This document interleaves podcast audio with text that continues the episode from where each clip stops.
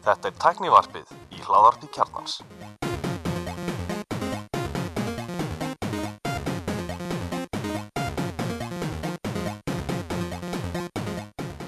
Komið sálblessuð og velkomin í tæknivarpið. Ég heiti Guðlúður Einir. Ég heiti Axel Pól. Ég heiti Kristján Tórs. Hvað segist okkar?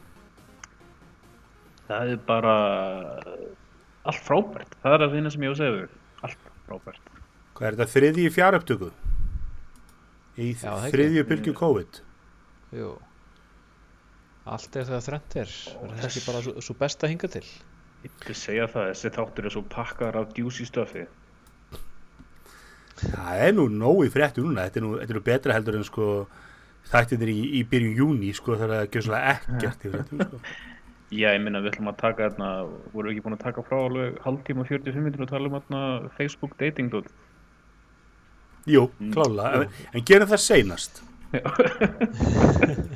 Fólk var svo spennt fyrir því. Ég er ekkert að vonast til að vera bumpað, neitt. Nei, nei, ok.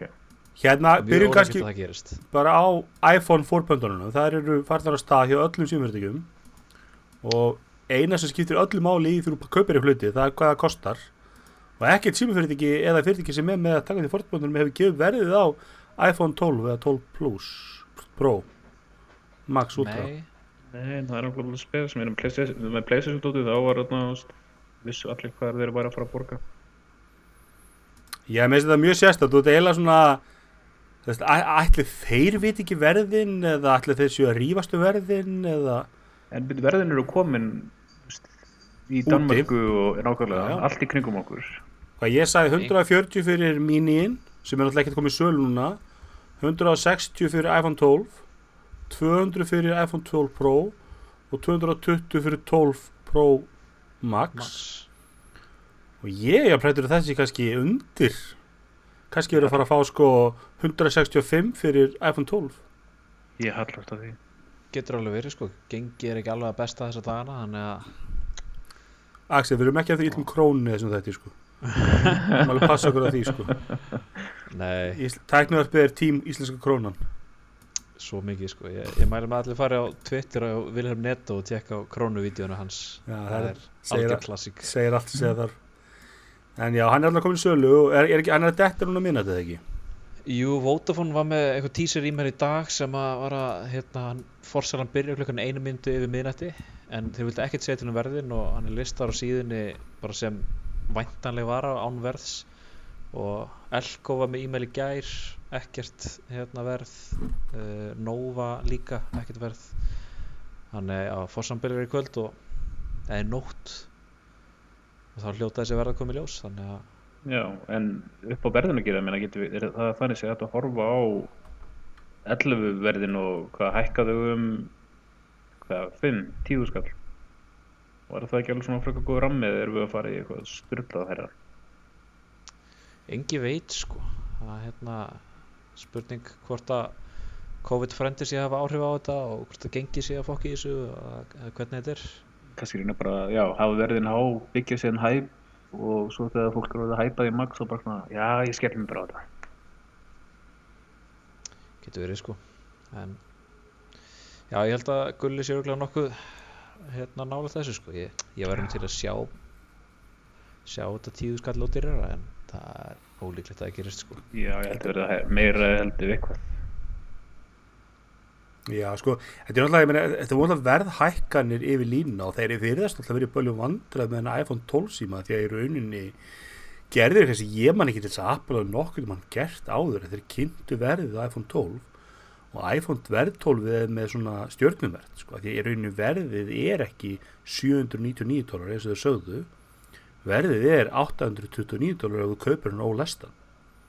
Hitt voru einhver ef þú kaupir hann af Verizon ef þú kaupir hann af einhverjum sérvöldum samstagsadalum og þetta bara við um iPhone 12 síman og þeir vilja meina það að það sem er að hýfu verð á hann er ekki 5G 5G kostnaðan er, er ekki það mikil það er verið það sem er hýfu verið er skjárin OLED skjárin er svona svakalega dýr og Apple reðst náttúrulega í þessar, þessar hérna kostnaðalækkanir með því að sleppa því að hafa hlæðslutækið sleppa airbótunum og því og, og gáttu svo í rauninni nú er selt það sem umhverfis ástæður sko. Já, sem er kannski svolítið erfiðar það sem að, að snúran sem fylgir með kassanum er USB-C í, í Lightning og nú held ég að ég flokki stund tiltöla mikið stórnotenda með talsveit mikið að tölvum, spjaltölvum og símum heimilinu og ég held að þessu heimil sýtti eitt USB-C hlæðsutæki sem hlæður fyrir síma og svoleiðis. Og það er þess að hlæðslu kuppur með USB-C socketi sko. Og það er sem að dóttir mín sem að fann 11 notar.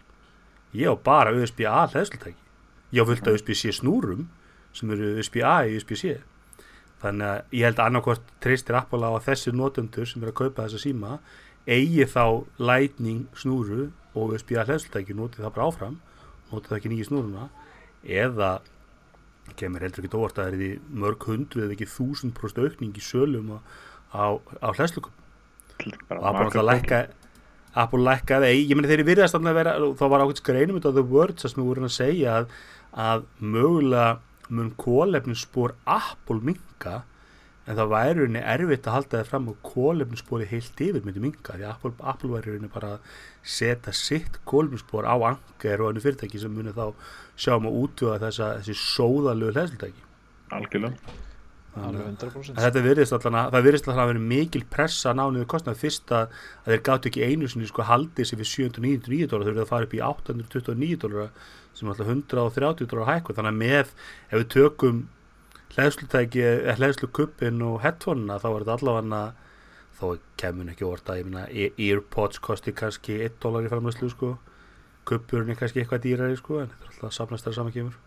Já, algjörlega sko. það er líka ef þeir ætla að fara álein í innan umhverfisvingil að það hafa nú verið tölvert umhverfisvatna hefðum þá að fara bara í alveg USB-C og það hefur vera þá bara í langbest, stöðlum. langbestur umhverfið, skilur alveg 100% en Þannig að þetta minnir mig svolítið á, á þegar Steve Jobs var alltaf að leggja, hann var frægur fyrir það sko, hann hérna, var aldrei með númerarplötur á bílum sinum, hann átti alltaf SL, Benz og sportbíl og hann var aldrei með númerarplötur bílum sinum og, og þá var hann spurður, akkur ekki með númerarplötur bílum?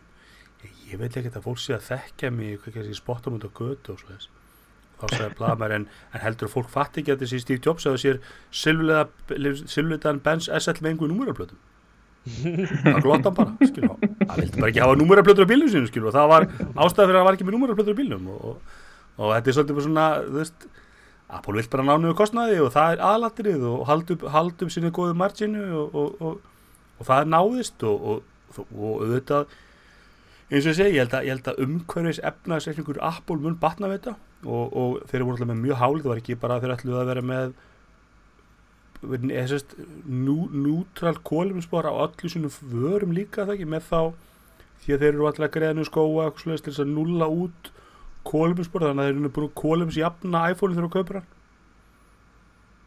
Þannig að en já, horfðu þið á viðbyrðir voruð þið spenntir heima búin að poppa á?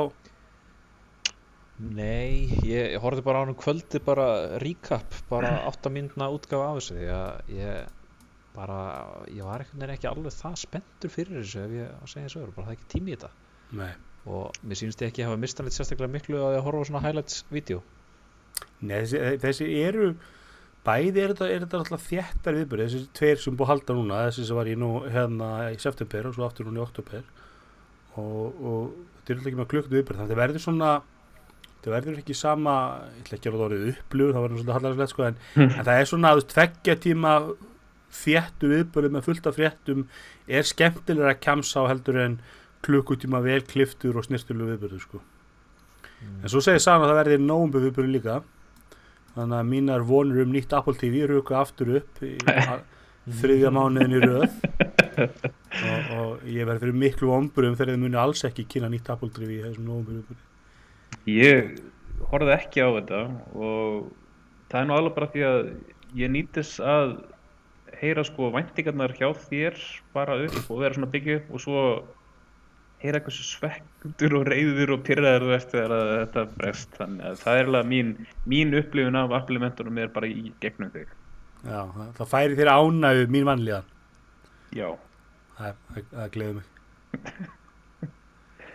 Hérna kannski fleiri fréttur af, af, af íslenskri vestlun það við sáum að hann að Elko eitthvað með sölu uh, Google Nest Audio hátalar það er bara geggjað. Og verðir alveg þokkalegt svona með við hérna frábæri íslensku krónu 23 skall. Ég var að tjekka, hann er líka komin inn á Coolshop. Og þar er hann á 17 og 5 já, ha, Jep. það er illa að panta þar strax. Og þar er hann líka í tveimur litum því að á Elko var hann bara í þessum dökkgráa en ljósi er líka á Coolshop 17 og 5, ég minna það það er íslensk netuslun, það ekki? Það Þú séð ekki er- borga- þetta, er, all- þetta er frá, þetta er náttúrulega í Danmörku. Já, ég meina ég er ekki rukkaður um eitt aukakostað Já, vask innifæli verðinu það er bara fárlega gott verð. Eps. Þetta er eiginlega bara svona shut, shut up and take my money. Ég er sko ég er alltaf að fá mér allavega eitt ef ekki tvo fyrir jólin. Sendingatímið 70 fyrir dagar hann er í ljóskráðum og dökkráðum það er eins og það til fleiri litir sko. En 75, ég, ég, var að skoða þetta frá bandaríkjunum og þá var ég búin að rekna út ef ég tæki að ég panta mikið svona stóra sendingar sem ég nota dropshipper það sem ég panta á, þá er ég að fá fá hann svona 19, 95 kannski með að við verðum eitthvað stóra pöntun og var að dreifa sendingustæðunum og þá ætla ekki þryggja- tveggjur ábyrð og neitt svo leiðis þannig að 23 fyrir það var svona þokkalegt ég geta fengið hann strax. 75 er bara frá, gott verð sko. Coolshop er að standa sér frekar vel. Ég mitt var að pæla í að fá mér hérna Nest Wi-Fi ráturinn nýja. Og hann er á Elko á 35 skall. Og hann er á 28 á Coolshop. Já, þannig að ef maður er tilbúin að býða í eina, tvær vikur þá fær maður þetta miklu betra verði. Ég, þetta er eiginlega bara svona game changer sko, fyrir Þetta Ég notur út af þess að vafa svo verslun sko, en e- þetta er dönsk frekar stór verslun að það ekki Jú, þetta er eitthvað svona skandinavist batteri sko, þannig að þetta kemur allt frá vöruhúsi í hérna Danmörku. Já. Þetta er bara þetta verður bara góða fréttir fyrir íslenska neytendur. Ég, við, við erum bara ekki að hrósa er þessu þetta, það er alveg á tæri sko. Þetta verður bara cool shop. 5500 krónum ótur en elko. Að því að verðið er sko, ég var að skoða á google.se minni mig félagin býr hann í síðjó ég er svo ómerkilegur að vil ekki koma heim í jólinn með hátalarfrömmi og það var verðið bara kringu 17 skallin sko. Já, þetta er bara hörðu gott verð. Google Store Sweden hvað segir hérna? Ég segi að hann er á fantastisk ljud du styr les mér 11.000 fjö- eh, nei 1149 sænskar hvað er það í íslensku? 1149, það er átjáðans kall rúmur 8210 þannig að þú sér það við erum að fá hann ótir að gera þetta cool shop. Með verðvend Já, með að við Þetta er bara með verði í Svíþjóð þannig að þá ætlaðu eftir að þú myndir panta hann. Menni, hann er að kosta 100 dólar í bandarækjunum þannig að í rauninni það er 99 dólar. Það er það fári svo að best bæja með tekur 2 það var 280 dólar. Best bæja er mjög, mjög góð því að sko ég lendi, ég, ég var að past- panta þessi Google verið sjálfur að, frá bandarækjunum að uh, í fyrsta árið sem ég pantaði þá gæti ég panta allt í Google Store, ekkert mál sendu allt í dropshipperinn. Árið setna þá canceluðu pöntunum minn þannig að ég var að panta allar, allar mínar Google vörur beint úr Best Buy og þeir matts alltaf Google tilbúðin sko þegar það er Black Friday það er Google með tilbúð og Best Buy mattsar þau bara. Og svo er þeir með alls konar svona pakkan þá þá var eitt svo að sko keft keftur eitt Home Hub Max eitt Nest Audio einn Chromecast eitthvað hann, hann Chromecast TV dótið þú veist, það voru bara eitthvað svona böndul pakka sko. Þannig að Eitt hérna með, með Home Hubin hann hérna er á Coolshop á 13.250 hann er ódýrar heldur en Home venlur já, hann er fáránlega góðu verði sko. þú hvað segir uh, hérna Home Hubin hann er á 13 skall á Coolshop. Já, hann er alltaf hann er á 80 dólar í bandaríkjanum þú sér það sko að að verðið í bandaríkjum pluss plus vaskurinn er 17 skall. Já. Þannig að framleiðin hjá Kut- þeir eru allir ekki með Apple framleiðar kröður hjá, hjá Coolshop Nei, séu þess að það kostar 25 skall í Elko ég það held munar að 12.000 kall í verði ég held að, að ég og Kúlsjópsi fyrir að góða vinnir það er spurning með ábyrðamála samt, sko. hvernig er Þetta er íslenskt fyrirtæki Við minnur ég hafi séð eitthvað um það að það verð ekki ábyrgð í gerðum þá. Aha. ég held að Eitthvað umræðu sem átti sér staðna ykkur stær á netinu. Já, þetta muni ekki eftir hann að henni vafasömu hérna, heitir hún, bæ.is sem að, var ekki hún sem eigandin er, er margt dæmdur eftir hann borgaði aldrei vaskaninu vöru sem hann seldi hann hérna ekki bæ.is Jú, jú, jú. Og, og það var rosalega góð verð þegar maður svona eiginlega þurfti svolítið að líta á það þannig að maður væri ekki að fá ábyrðina sko. Sem að raun, ég meina já home, home hubin er á 13 stundum það er, hann, er, á 80 dólar bandaríkan sko. Sonos One SL er á uh, 33 Sonos 5 á 95 Já, ég er fara, ég er að fara að panta mér Google Nest Audio bara eftir þetta tækla, við ekki að drífa þetta af svo geti byrjað að panta. Já. Þetta er bara instant buy money. Herri, ok, þetta er hérna en ég er alltaf mjög spennt við þessum hátalara og það var hérna kannski skjóti, skjóti inn í að, að þeir voru að hérna, eða kannski bæta hérna næsta listar menn það kom bara í dag umfyllin á, á, á Amazon Echo hátalarunum og hann er að fá mjög góða dóma og, og rauninni betri heldur en næsta átjóð vilja bera það saman mikið í greinni og, og, og kannski ekki ganga það langt að segja sko, hann sé eitthvað miklu betri. En hann er, þú veist, þið finnst soundið betra þannig að voljum er herra og bassin er meiri. Og það er hins vegar hef ég hvergi séð svona þú veist það er rosalega mikið með fyrir YouTube og Reddit og svoleiðis það er mjög mikið af mörgum sem er að nota er að kaupa þessar nest græður sama ástæðu ég til að vera með svona multiroom audio setup sko. En Amazon Echo býður upp á það en það fær rosalega misjöfn að dóma sko. Margir sem að er að hrósa því og svo kemur uppfæsla og þá bara brotnar það í marga mánuð og virkar ekki og er alltaf dett út og dett úr syngi og, og aflega sem er Nest eh, Google hann audio út gegnum home appið að það er rosalega solid sko, ég hef ekki lent í neinu vandræði með að, að veist, appið fikar lélegt og oft er það svona wonky að veist, hækka og lækka og svona þá það er svo appið ná ekki alveg samstilli sig, en ég lendi aldrei því að ég segi, set, skilur einhverja tónlist og læta hann spila í fimm háturum að það dett úr syngi eða, eða eitthvað vesen á því, sko, það er svona, grunn atriðum Já. En Ekkoin fær líka betri dóma fyrir assistantin, þeir sem eru með Ekko hann verðist vera betri, ef minnur á svona á því. Já, mér finnst hönnun á sem verið ógeðslega flott. á Amazon, Ekko Já, Mjög. Já, ég er ekki alveg, mér finnst hann einmitt svona aðeins og speysaðar eitthvað sko. Þú veist, Já, ég Svolítið ég veit ekki svona- hvort ég mætti vera með þetta heima hérna, en, þú veist, ég þykir þetta samt Nei. flott. Sko bláa ljósi er sérstaklega speysað þetta undir honum þetta bleið, breyta því.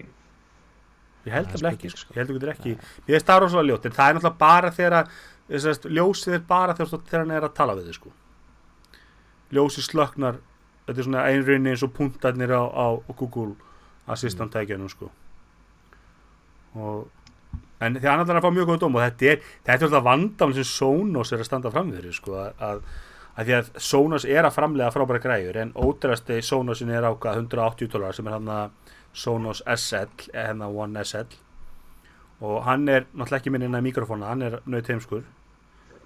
Á meðan Amazon og Google eru að búa til þessa rosalega vönduðu hátalara. Og það er mitt í dattinn á eins og maður gefur nátt eitthvað vídeo á netinu sem var að rífi sundur hérna IKEA Sonos hátalaran Já, og hann er svo mikið hráka smíði að þetta er eiginlega fyndið að horfa á þetta sko. þetta er bara eins og þegar það bara tekið rísast og ástæðan er svo stór er bara til að koma til drastlur inn og allt drastlið er bara svona superklúðað hliðarnar og eru bara svona eins og þú getur basically smíðan að háta sjálf þetta er bara einhverju svona chipar sem er að stýra hérna þessu. Svo er bara wifi, það er bara svona standard wifi með einhverju svona spjaldi sem þú bara pluggar í. Og þetta lítur bara út eins og algjör hráka smíð þú veist, þetta er svo, er svo metnaðalaust og, og svo að hátalarnir eru bara einhverjir standard hátalar sem þau panta einhverjum kýmveskum hátalarframleganda sko, það er, þú veist, það er engin metnaður í þessu. Það maður svo sem Amazon og Google sem er að eyða rosalega upphæði með þróas hátalara og ná því að því að sko, jújú, Echo og, og Nest Audio kostar 99 dollara en þeir þurfa að þóla rosalega afslætti. Því leiða ekki með Prime Day eða Black Friday eða hvaða tilbyrðin sem finna þá er þetta dottinu í 69.9 79.9 jafnvel sko 59.9 Amazon eru grimmir í þessum afsláttum sko. þannig að, að framleiðslu kostnæður má ekki verið mikið meiri 50 dólarar Já, Það er alveg ástæði fyrir þetta að koma út núna Já, það er náttúrulega ekkert langt í Black Friday. Nei. Það- Þeir komu örgulega að sletti þá. Amazon. Já, og, og, og ef þeir gera ekki ár þá er þeir grimmir næsta og þetta er náttúrulega vöru sem að, sem að ég meina Google er vantilega að horfa á að þessi nest átjó veri seldur í þessari myndi í svona 2, 3, jafnvel 4 ár. Ég svo næsta vara frá hann verði hérna, Nest Home Max þá. Og ég svo hann verði ódyrri hann verður ekki, hefna, síðast kostaði hann 400 dólar alltaf fari ekki í svona 200, 250 dólar svipað eins og Amazon að gera með hann Amazon Echo Studio. Hann er svona virkilega veist, stórri bassakeli og fullt af tvíturum þykir mjög góður og er hann er með þetta 200 og fesur neyri 150 á Prime Day. Þannig að þetta er Minnst þarna, minnst eitthvað dottin líka svolítið töff hérna, þessi sem er klukkunni. Á, hann er mjög snuður Ótrúlega flottur. Þegar þeir fóru í þessa kúlu lögun í, í þessum þremur Svo veit ég ekki alveg hvað mér finnst um hann krakka útgáfana Þeir eru svolítið krútlegir en creepy á sama tíma. Komið sem lítinn pandabjörn eða tígristýr eða eitthvað já. Mín yngsta hún er með svona Google Nest Audio nei Google hérna Home Mini inni á sér eða Nest Mini. Og hérna var með sko Bose Soundlink Mini áður sem að hljómar allavega hundra svona betur heldur en hérna Google, Ho- ne, Google Nest Mini. En hún elskar að geta sagt hún að spila þetta K-pop lag eða, eða spurt hann einhverju og hún er með tvær snjallperur og getur slótt ljóð síðan hún elskar þetta sko, að þannig að ég held að einmitt að Amazon þú veist þetta er ég held að það er með ymmið fyrir krakkar og sérstaklega eins og svo dettur þetta niður í þú veist 29, nú, jafnvel 99 á Prime Day sko þetta er svona, þetta verður svona impulse buy sko Já, það er alltaf það.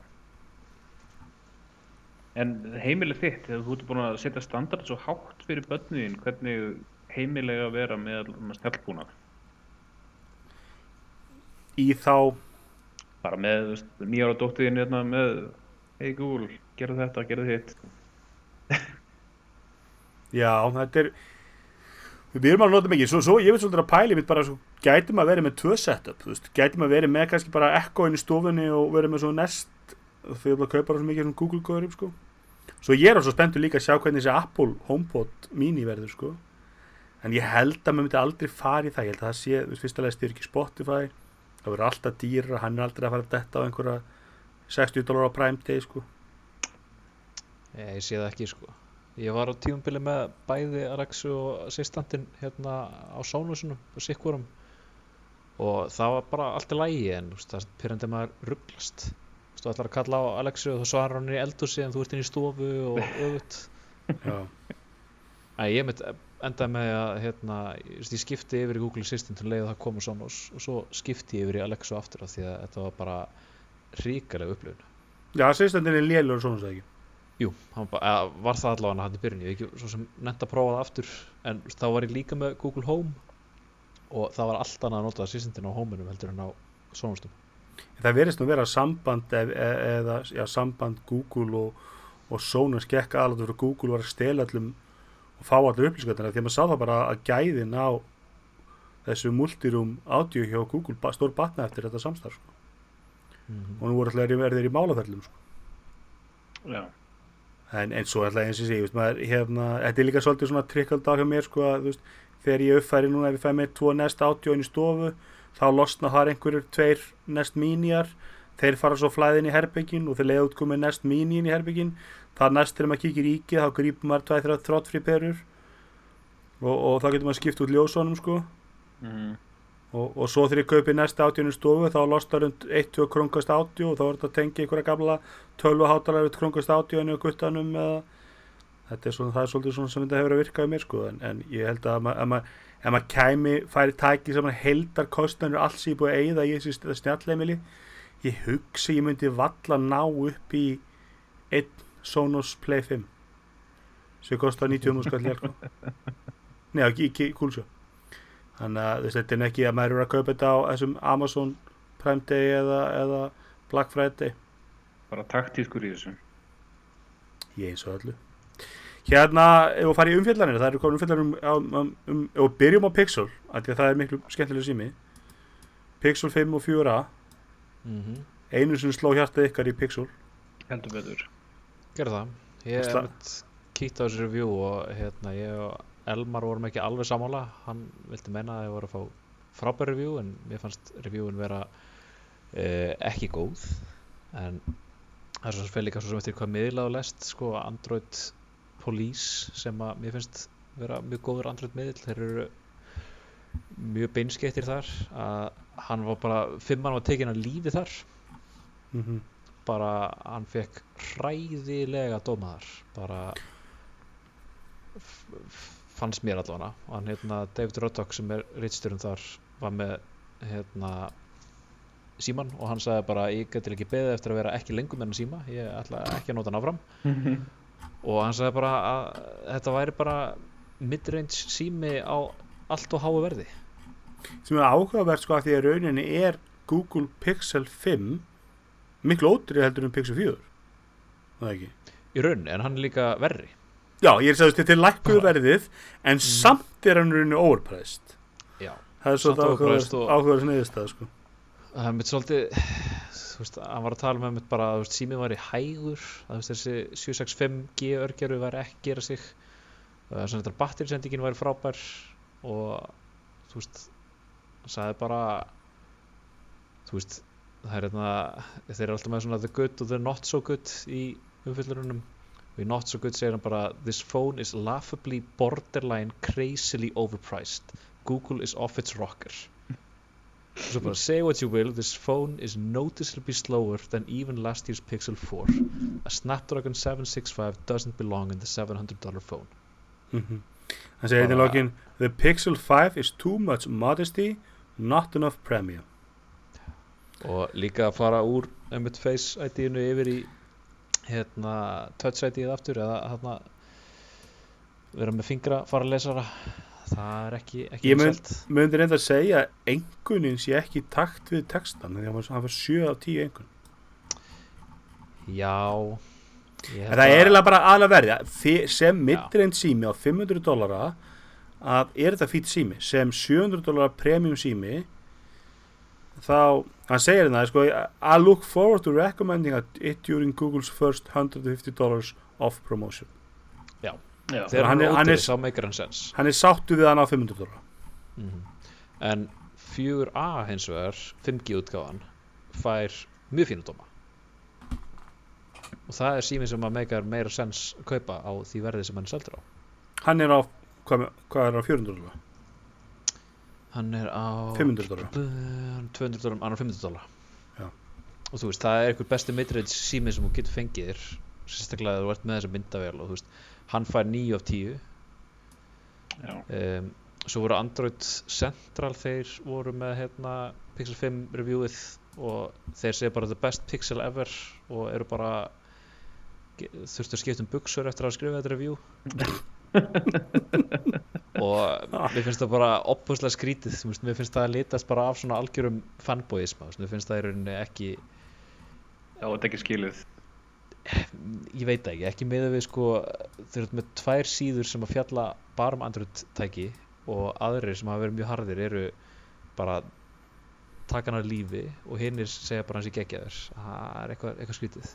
Mhm. Þetta er alltaf sko það er alltaf ákveð veist, sko fyrst heldur mjög erfið sala að segja við einhvern skilur að þú hefur verið að kaupa núna high-end síma í nokkur ár, þú keftir Pixel 1, 2, 3 og 4 og það voru allt high-end símar. Og á ákveðnum tímapunktu náðu Google að vera bara Android flagskipið sem var bara pari við að besta frá Apple og Samsung. Og en augljóslega hafa þeir símar ekki náðu að seljast nú vel. Það er bara sölutörun að tala sínu máli og, og Google er þar að lendir að finna sér nýja hillu. Virðist ekkert ná að lækka verið og þetta kannski kemur inn á bara svona verðinu á iPhone minna, veist, sjö, í dag er 700 dólar iPhone ódýr iPhone en það er samt símir sem er að kosta 140.000 til búð hérna. Og það er rosalega mikið fyrir síma fyrir mér, ég, ég, ég, ég tíma ekki um með 140 svona síma. Þannig að, þannig að sko þetta er líka þegar samkeppnin í þessum verðflokki er þú veist Galaxy S20 FE og OnePlus 8T Mhm. sem eru símar sem eru bara út úr spekkaðir. Já, miklu meira sexy líka, þetta er svona símar sem að þú veist, með þunna ramma og þú veist, þetta er, þetta er hann er rosalega, ég ætla ekki að segja boring, en þú veist, þetta, þetta er hann, þessi hönnu lítur út eins og einhvað sem við sáum fyrir tveimur ár Akkurat, það er ekki Svona fyrstu, fyrstu skrefum þessara rammalösu hönnunar en, en OnePlus og, og Samsung eru komin miklu lengra en það. Algjörlega sko, komin aftur líka í svona plast hérna body og eitthvað. Já, bara ég veit ekki við- reyna að spara virka, en svo er þetta kannski vonbrigði. svo er þetta kannski með hinn einlega perum með fólki sem ég sem að voru Nexus-notendur fíluðu bara að vera með svona bang for your buck Android síma sem var góður á réttum sviðum þú veist, yfirleitt nú öflugir myndavelna á lala og svo varstu með hérna uh, þau kostuðu skítu ekki neitt. Og en kannski litaldri við pixula því að þau voru alltaf dýrir og mögulega þurfið þeir bara að, að nálgast hann markup aftur. Þeir eru búinir verið- því með 4A og 3A Já, en þurfum við ekki að fá bara alla línuna niður, þurfum við ekki að fara bara eins og hann segir þetta, fara með Pixel 5 í svona 550 dólara, fara það með 4A niður í þá 450 dólara, ef með að 5G sem voru standardi, við erum ekki að selja 4G sem að lengur. 4A er alltaf áfgæð, hann er á 350 dólara það ekki? 4G útgáðan jú það ekki. Svo alltaf fárlegt að 4A 5G sé annar sími heldur en 4A sko. Þetta er svo störðlega heimst að sko bara já. Þetta er svolítið steikt sko. En veist, ég væri mikið til að prófa þessa síma sko en ég myndi ekki kaupa á þessu verði sko allan að fimmuna. 4A er samt sem maður tölvört meira sexy verðlega síður sko Ef ég væri, þú veist, ef ég geti fengið, maður væri útið eitthvað og geti bara gripið fjóra á 300 dólar, þá myndi ég kaupa hann bara. Bara til að eiga eitt góðan Android síma til að geta, þú veist, sem var að síma geta fykta í Android hugbúnaði og svo leiðis. Að, þú veist, ég hef lendi í, þú veist, ég lendi í því að síðast ég var að para eitt, eitt hérna Nest Mini, að ég var að sækja einhverja sorp Android spjaldtölu að því að hann, ég fann hann hvergi inn í iPhone-tækjum. og ég fann hann í einhverjum, þú veist, Android 5.0 einhverju nóg spjaldtölu, hann fann hann strax, sko. Veist, þannig, að, þannig að það er fínt að hafa eitt andra tæki og, og fyrir 300 undur þetta var frábær kaup og virkilega vel hanna tæki og, og kannski mun það bara taka eitt, tvö ár fyrir bara andra undur að sætta sig við að, að Google allar ekki lengur búið til flagskip og veist, kannski allar Google bara búa til bestu, bestu midrange tækin á markaðinu Geta alveg verið sko. Sé hérna 4A er sölu á Emobi á 75 skall fjöra sérst ekki ekki, Ekki 5G. sýnist mér sko hann er ekki slaft verða, menn er ekki iPhone SE á 80 skall og hann er alltaf 50 dólarum dýrar ég, þetta, ég myndi segja fjöra ætti ekki kosti mikið meira svona 65-70 Nei, hvað segir Kulsjó? með Hvað, hvað segir nýja sko. official netöllum teknafsins? Það er góð spurning Pixel, Nei, engi, engi síma þar. Damn. engin síma þar. Eins og það er eitthvað svona hérna, fake Gameboy tóla og Fallout 4 á hérna, það var einmitt, ég var, að- var, að- var að hérna vesla með skjá á heimaskustöðun og, og ég tók um þetta skjá sem var í, í sko, hann munið alveg 15 skalli átildur og óturum skjá í annars vegar Origo og hins vegar Coolshop þannig að þeir eru mjög, mjög aggressíru verðið með snöðlistum, það er eiginlega bara Já. Það sé, margt að skoða þarna sko. Líst vel á þetta. Hérna í fleiri umfyllinir þá alltaf voru hérna embargo embargoðum að lifta af iPhone umfyllinu núna á miðvikudaginn. Í gær bara. Mhm. og við erum að taka þetta 15 sköldi og fá báði mjög, fá báði nýju eða ekki? Það er ekki rétt minnaði mér. Hjá Word, það er með, með Word sem er svona yfirleitt er okkar góð þeir, þeir gerir eitthvað flott hérna, videoreview um, um hérna, iPhone-una. Gerir mjög skemmtilega, það voru sérst, gerir svona hálfgeir sistra review. Dieter Bohn og, og Nila Patel gerir sérst Dieter Bohn tók iPhone 12 og, og Nila Patel tók iPhone 12 Pro og þeir fókusuði á mismöndu hluti. Þannig að Nila Patel fókusuði meira á myndæluna meðan eh, Dieter Bohn fókusuði á á hérna uh, 5G og fleiri þaðan virkni.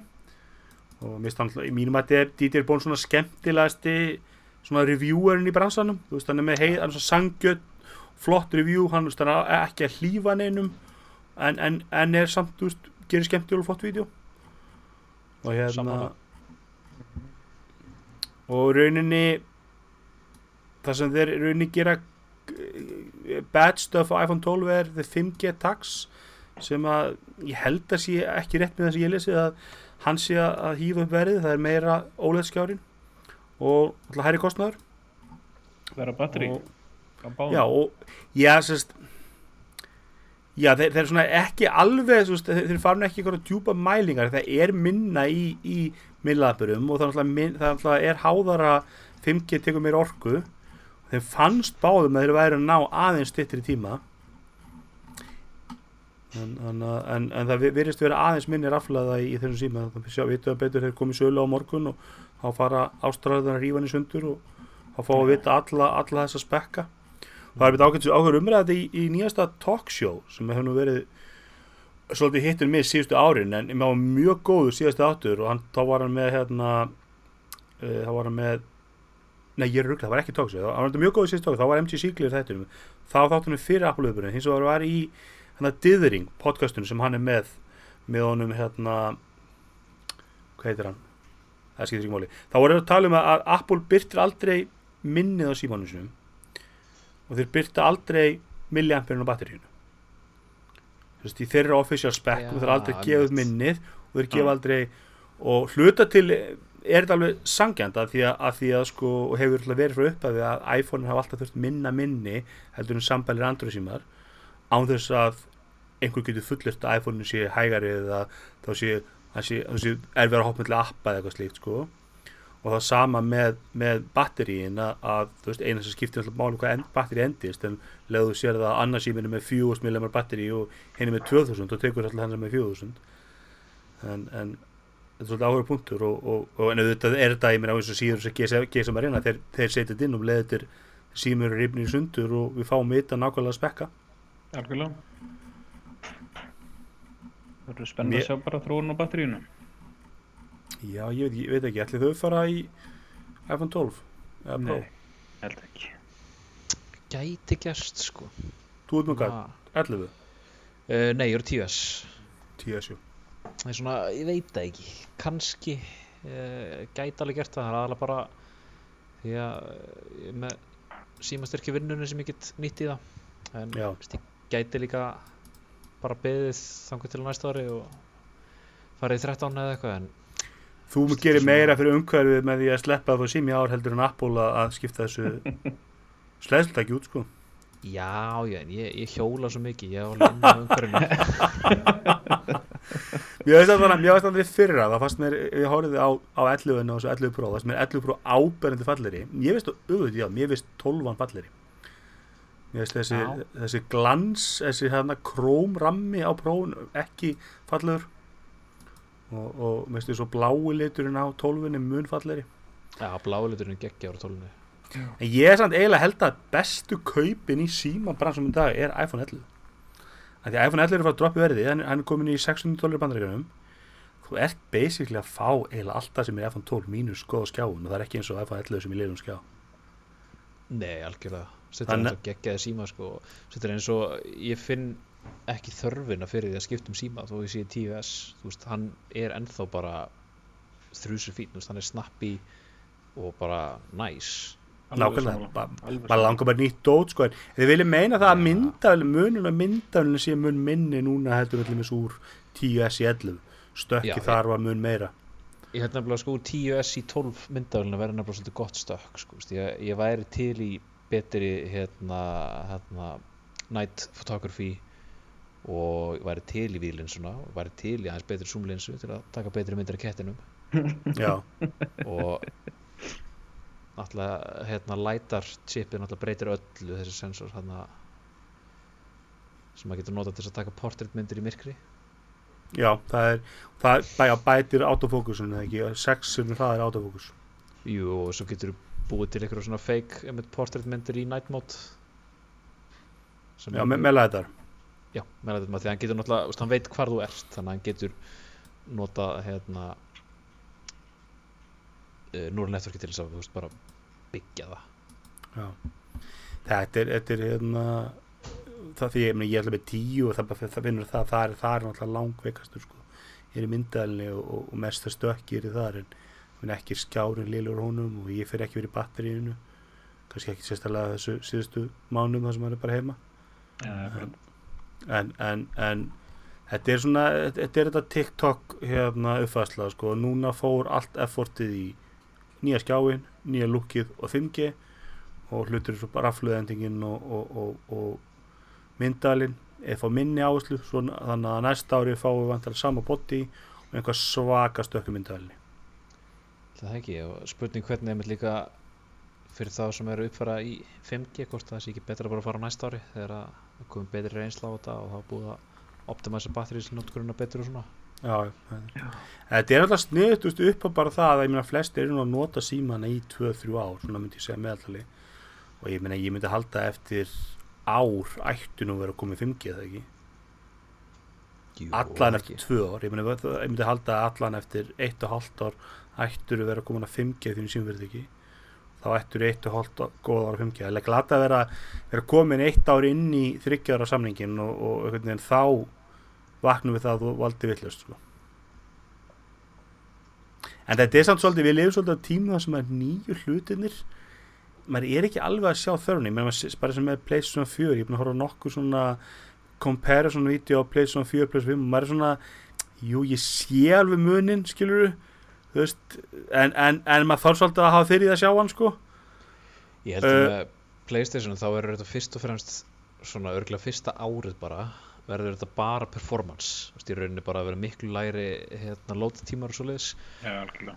og svo verður ekki fyrir en eftir 2-3 ár jafnvel sem að við förum að sjá eitthvað almennlegt stökk í hérna, sko leikum í grafíkin og því öllu Já, þú mannsamt þegar þú sást le- fyr- PlayStation 4 leikina fyrir 8 PlayStation 3 það var bara nótt og dagur sko. það var bara þú veist, sturlaður munur í geðum sko. og ég meina PlayStation 3 þegar maður átti PlayStation 2 það var bara þú maður, maður sá bara leiki á PlayStation 4 sem maður vissi bara að þú gast þú, þú gast ekki spila leiki það var svona, svona mikið að bara NPC karakterum og svona gæðin en auðvitað erum við með þetta millistig sem ég er með Pro þannig að ég með þetta með þessa millistigs uppfæslu Já. sem að færum það ég fæ 4K frá my- myndgæðin veist, þannig að stökkið eh, bilið er meira, ég meina hún er þú veist, PlayStation 4 Pro er á pari í gæðum og afli þar að segja við ódurinn í nýja Xboxið sem ég vil ekki svona reyna að gíska hvað heitir það ég mun aldrei það, sko. þú veist, þetta er eitthvað 4,1 teraflop í, afli sko. þannig að þú veist, og meðan PlayStation, PlayStation 4, 5 er 12 algjörlega sko. Þannig að ég var í skemmtilegum ræfni já, ég var í smá svona hérna Crash and Burn. hvað heitir hérna þýska orðið sem þýðir að hlæja eða, Gleðjast yfir- já, gleðjast yfir ófyrum annara Quippy. mjög gott. Creepy, Íslands orðið þetta ekki? Já þórðargleðið það ekki? Þóruðargleði hérna Quippy er dött eftir aðeins sjö mánuði. Fyrir það sem maður veit ekki sem eru allir hlustöðum tæknamist þá er Quippy sem sagt vídeoþjónusta sem er búið Netflix eða Disney Plus sem er engungi búið á snjall símum eða símum og, og veit ekki hvað kannski spjaldunum og all vídeoin eru í portrait. Og, og hérna, getur þetta getur ekki snúið vídeoina þá farðu einhverja, þetta er eitthvað sem þú getur snúið skjáðunum en flest vídeoin allan að virka bæði á Þetta er allt hanna til þess að vera í portrétt allavega. Þannig að þú veist, þú getur hort á allt í portrétt og þá, þú veist, þú missir ekki af neinu. Ég meina, þetta er akkur það sem markaðurinn er búin að vera að kalla eftir sem mörg ár. Já, sko Ég veit ekki eh, Ef þú ert að komjúta í lestum erlendis þá er þetta kannski, kannski þægilegt en ég veit ekki, þetta var nú svolítið galin hugmynd til þess að byrja með og það hefði engin trú á þessu og engin er trúið, svart. það ekki, ekki miljard dollar í fjárfæstingur 2 miljardar 2 miljard, það voru Nei. einhver að trúa þessu Ég, ég bara sé Ég er- það í að ég er illa svikin að það sé ekki alla hana miljardar hann frá íslenskum fjár- hérna sko. það er nálega Já. bara Það er rétt. Þú veist, þú ert á, að reyna að á pitcha. blaði þú veist, á blaði er þetta geggja pitch Þú veist, þetta eru tímyndna vídeo fyrir fólk sem er á ferðinni, horfir á þetta í portrétt þú veist, fólki hvort er alltaf í portrétt á TikTok og öllu þessu og nennir vandamál er bara það að þessi markhópur er algjörlega geril snittur smekk fyrir gæðu þú veist, fólk sem horfur á TikTok-vídeó er ekki fara að borga 5 dólar á mánuði fyrir einhverjum metnavill kvipi-vídeó því að TikTok er bara fróðusnakk í tvo tíma af engu og fólk fílar það. Og þú veist, þú er ekki að fara, það kostar ekki neitt þú þarf ekki að gera neitt, þú bara installa TikTok. Og ég meina pælbæri, við sjáum ekkert alveg mikið maður er að sjá allir, maður er að sjá þessar iPhone kynningar, það sem erum að tala um vídeogæðin í þessum- myndaðulum og maður, hugsa bara, þú veist hvar eru 12 ára krakkarnir sem eru að búa til spil, fyrstu Spielberg-myndina heima á sér skilur með vinnusinum bara eða gera sjónvannstætti eða eitthvað, það er enginn að skapa neitt volið mikið, það er enginn að búa til sköpun er allt bara 10 sekundar brandari, skilur það er, það er sköpun sem er nenn að standi það er ennur enginn að standi að gera einhvern bara, ég myndi segja, þú veist, það er, það er ekkert sem stöðvarði þegar, ég meina, ég var í alls konar eitthvað svona videoklubum þegar lítill, maður var að gera eitthvað svona váa sem að þætti og bull, sko.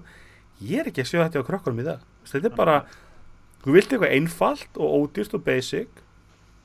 Svört framtíð fyrir Hollywood spá hér.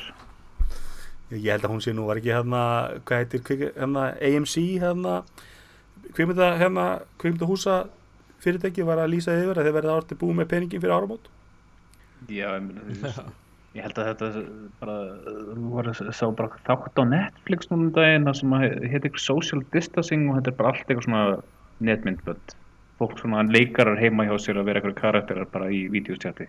Ég er bara, þau minn almáttur.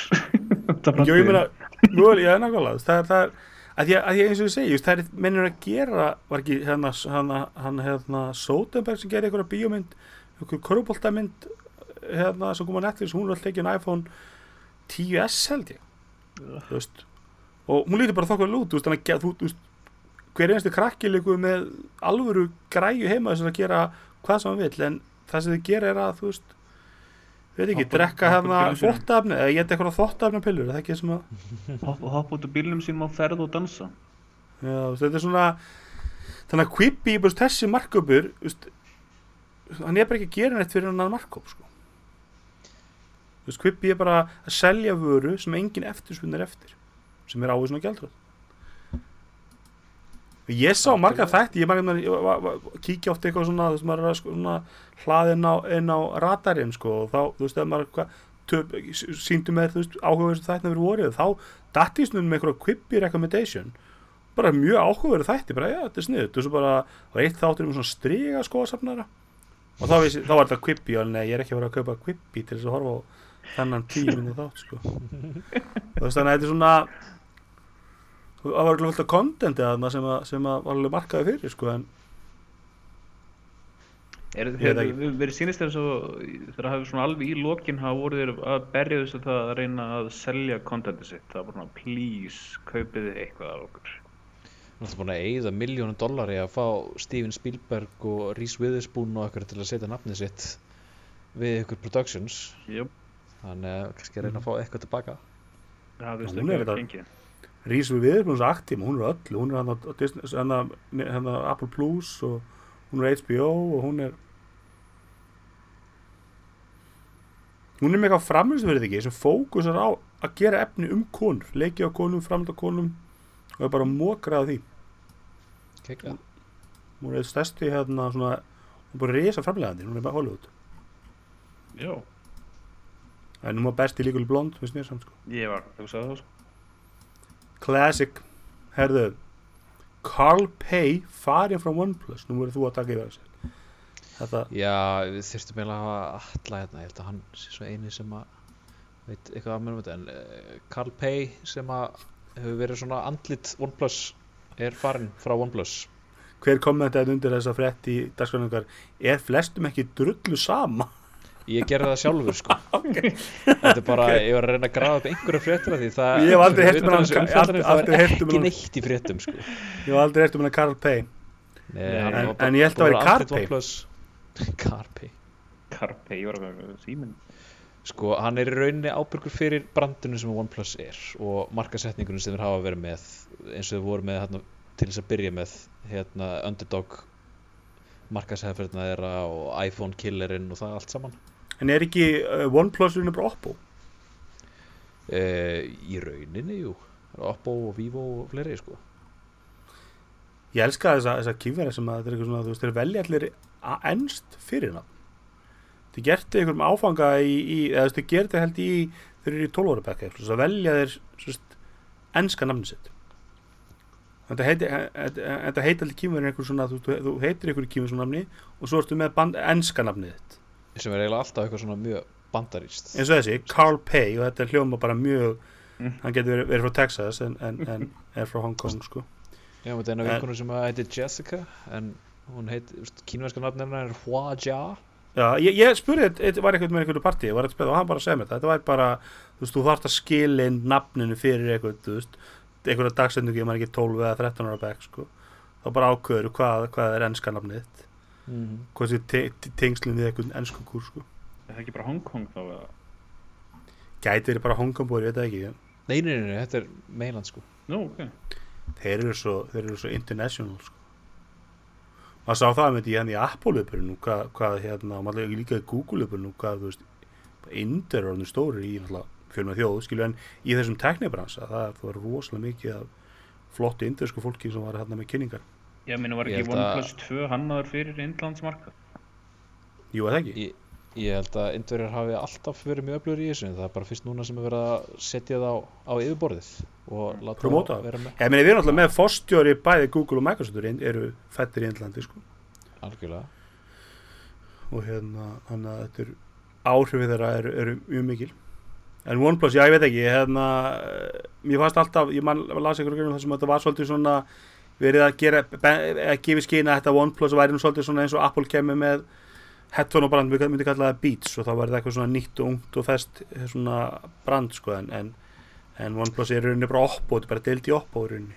Já, nei, ég er ekki sammála því sko. Þeir eru búin að gera rosalega mikið í vestrættu markaðsreitingu og þú veist, ég efast um að þú ferð út í Nova og spyrð einhvern sem er að kaupa þessu OnePlus. Já, þú veist þetta er Oppo sími. Segir fólk, "Ha, hvað er fokkar með Oppo, þetta er OnePlus. Já, nei, nei, ég meni, þetta er ekki startup, þetta er ekki startup nei. fyrirtæki sem var byggt þetta er bara markasteldur. algjörlega, sem að Þetta er bara eins og gerir, þeir eru með, þeir eru með Mi Xiaomi símana, svo eru þeir með hana fullt af einhverjum öðrum merkjum, Poco og það Poco og þetta, sem, er, sem eru allt bara deltir í, í fyrirtækinu, sko.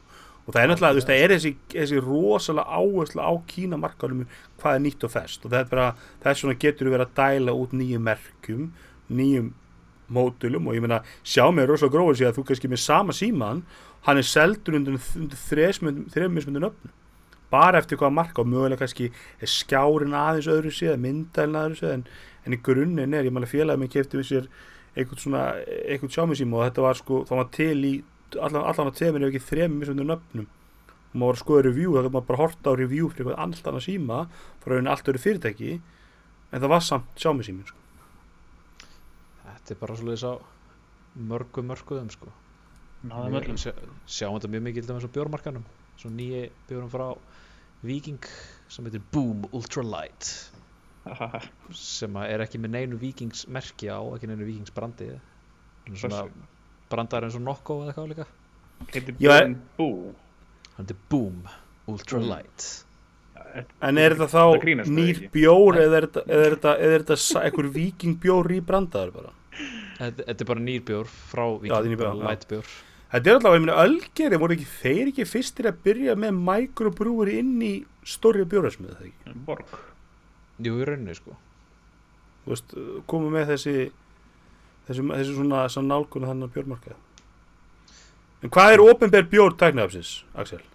Opin með bjór tæknarfrins uh, það myndi vera Böl Killer Queen myndi ég segja en nei, Já, það, í þessu mánu er það Return Some Videotapes Súr. IPA með kúsum Ef við lýstum veit ekki, þá ert þú annar eigandi af bjórfyrirtekinu Böðal ég er það, já sem er, sem er mjög hátt rankaður bjórfrónandi, samkvæmt þessu, hvað er þetta appátur? Untapped. Já, sem allir, Böðal rankar mjög hátt þar. algjörlega sko, ég mynd ætlaði að hérna, reyna að koma jólabjór til ykkar til þess að vera södra með yfir þessum þætti en það bara gekk ekki upp Hvað heiti jólaból, jólaból Böðal? Já, til þriðji jólum þriði jólum, stölu það. Rætti Belgískur eiginlega að íta á pásu og hoppa yfir bara til þess að geta Herri, ég er að drífa það þátt, við getum pantað hana hátalara Getur líka að fara á vínbúðum.is og pantaða pölbjóra þar. Það er rétt. Já, það er Og Er þetta Ef það taka Bjórland. síðustu rétt dagsins. Síðustu frétt dagsins. En mitt væri við hæfi að hafa einn til þess að hella niður núna svona að virðingu fyrir fallin vinn Þeir eru enn e- enn e- eitt eina vörunum sem að hérna, Google fer fyrir aftan skúrin og skýtur í nakkan Þetta er orðið ágætis grifið hjá þeim aðna. Hver, er- hver, hver tók þér lífið á hann? Google Music er núna ei meir það er búið að skipta því alveg yfir í YouTube Music og núna er bara búið að slökkva á Google Music og eina sem þú ferðið og ferðin á þá það góða plattform er bara farið yfir í YouTube Music og þeir sem eru með hérna persónulegt safn inn á Google Music geta flutta yfir. Ég er einmitt búin að vera að transferring your library may take a few hours segir hérna. Já, og ég, ég, byrja, ég byrjaði þetta þegar við byrjuðum þáttinn á og, og það er ennþá transferring my library. Þetta tók einhverju klukktíma í mér sko en ég er svo sem ekki einu sem búin að opna YouTube Music eftir þetta en Ég hef svolítið sett inn plötur þarna sem er ekki á Spotify. Já, einstaka plata með hljómsveitur sem ég fíla sem, eru ekki, að- sem einhvern vegna er ekki Spotify. Og, og þá hefur maður sett það þarna inn í.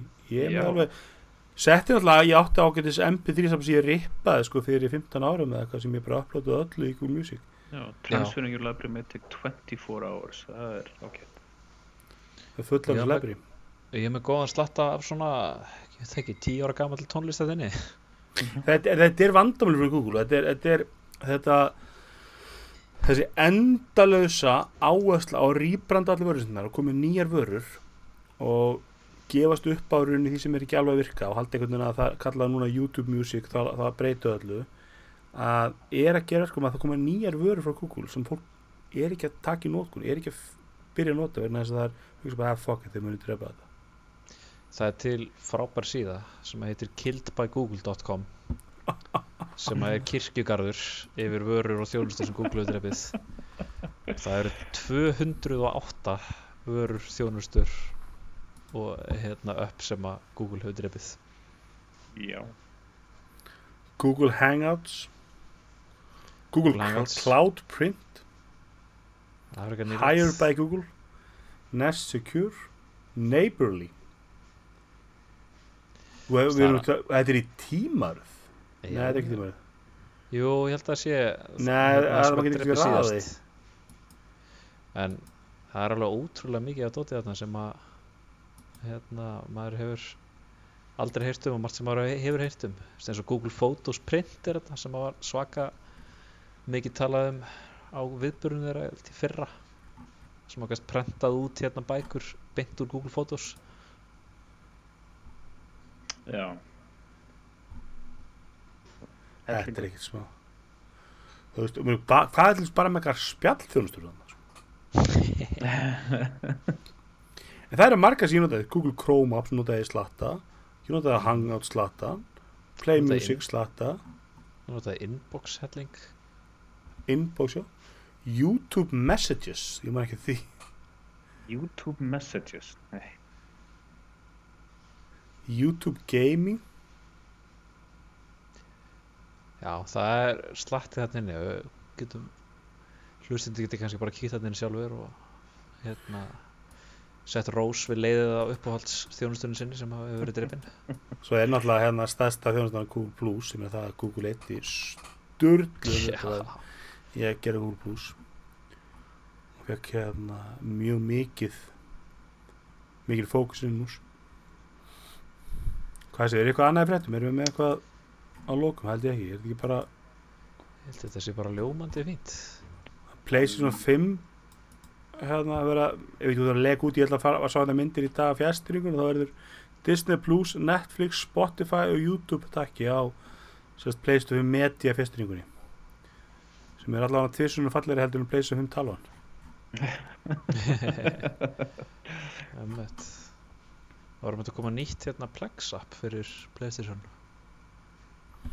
ok, það verður gaman að sjá við fáum betra af því að það er mjög lélegt á PlayStation 4 Já, það var að uppfæra það held ég bara alveg helling sko. ég eftir að tjekka því sjálfur en, Þú veist, ég ég held að, allan ekki að stutta allan aldrei 5G allumis. nei hérna 5G, 4K Nei, stuði ekki 4K, stuði ekki hérna, direct streaming og alls konar dóttir í eitthvað, það var hérna Já, það var ekki, ekki frábært maður held einhvern veginn að með þessu monster tæki getur maður spila skilur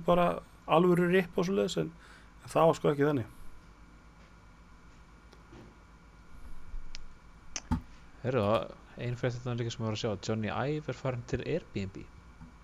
Ha? Gjálur henni?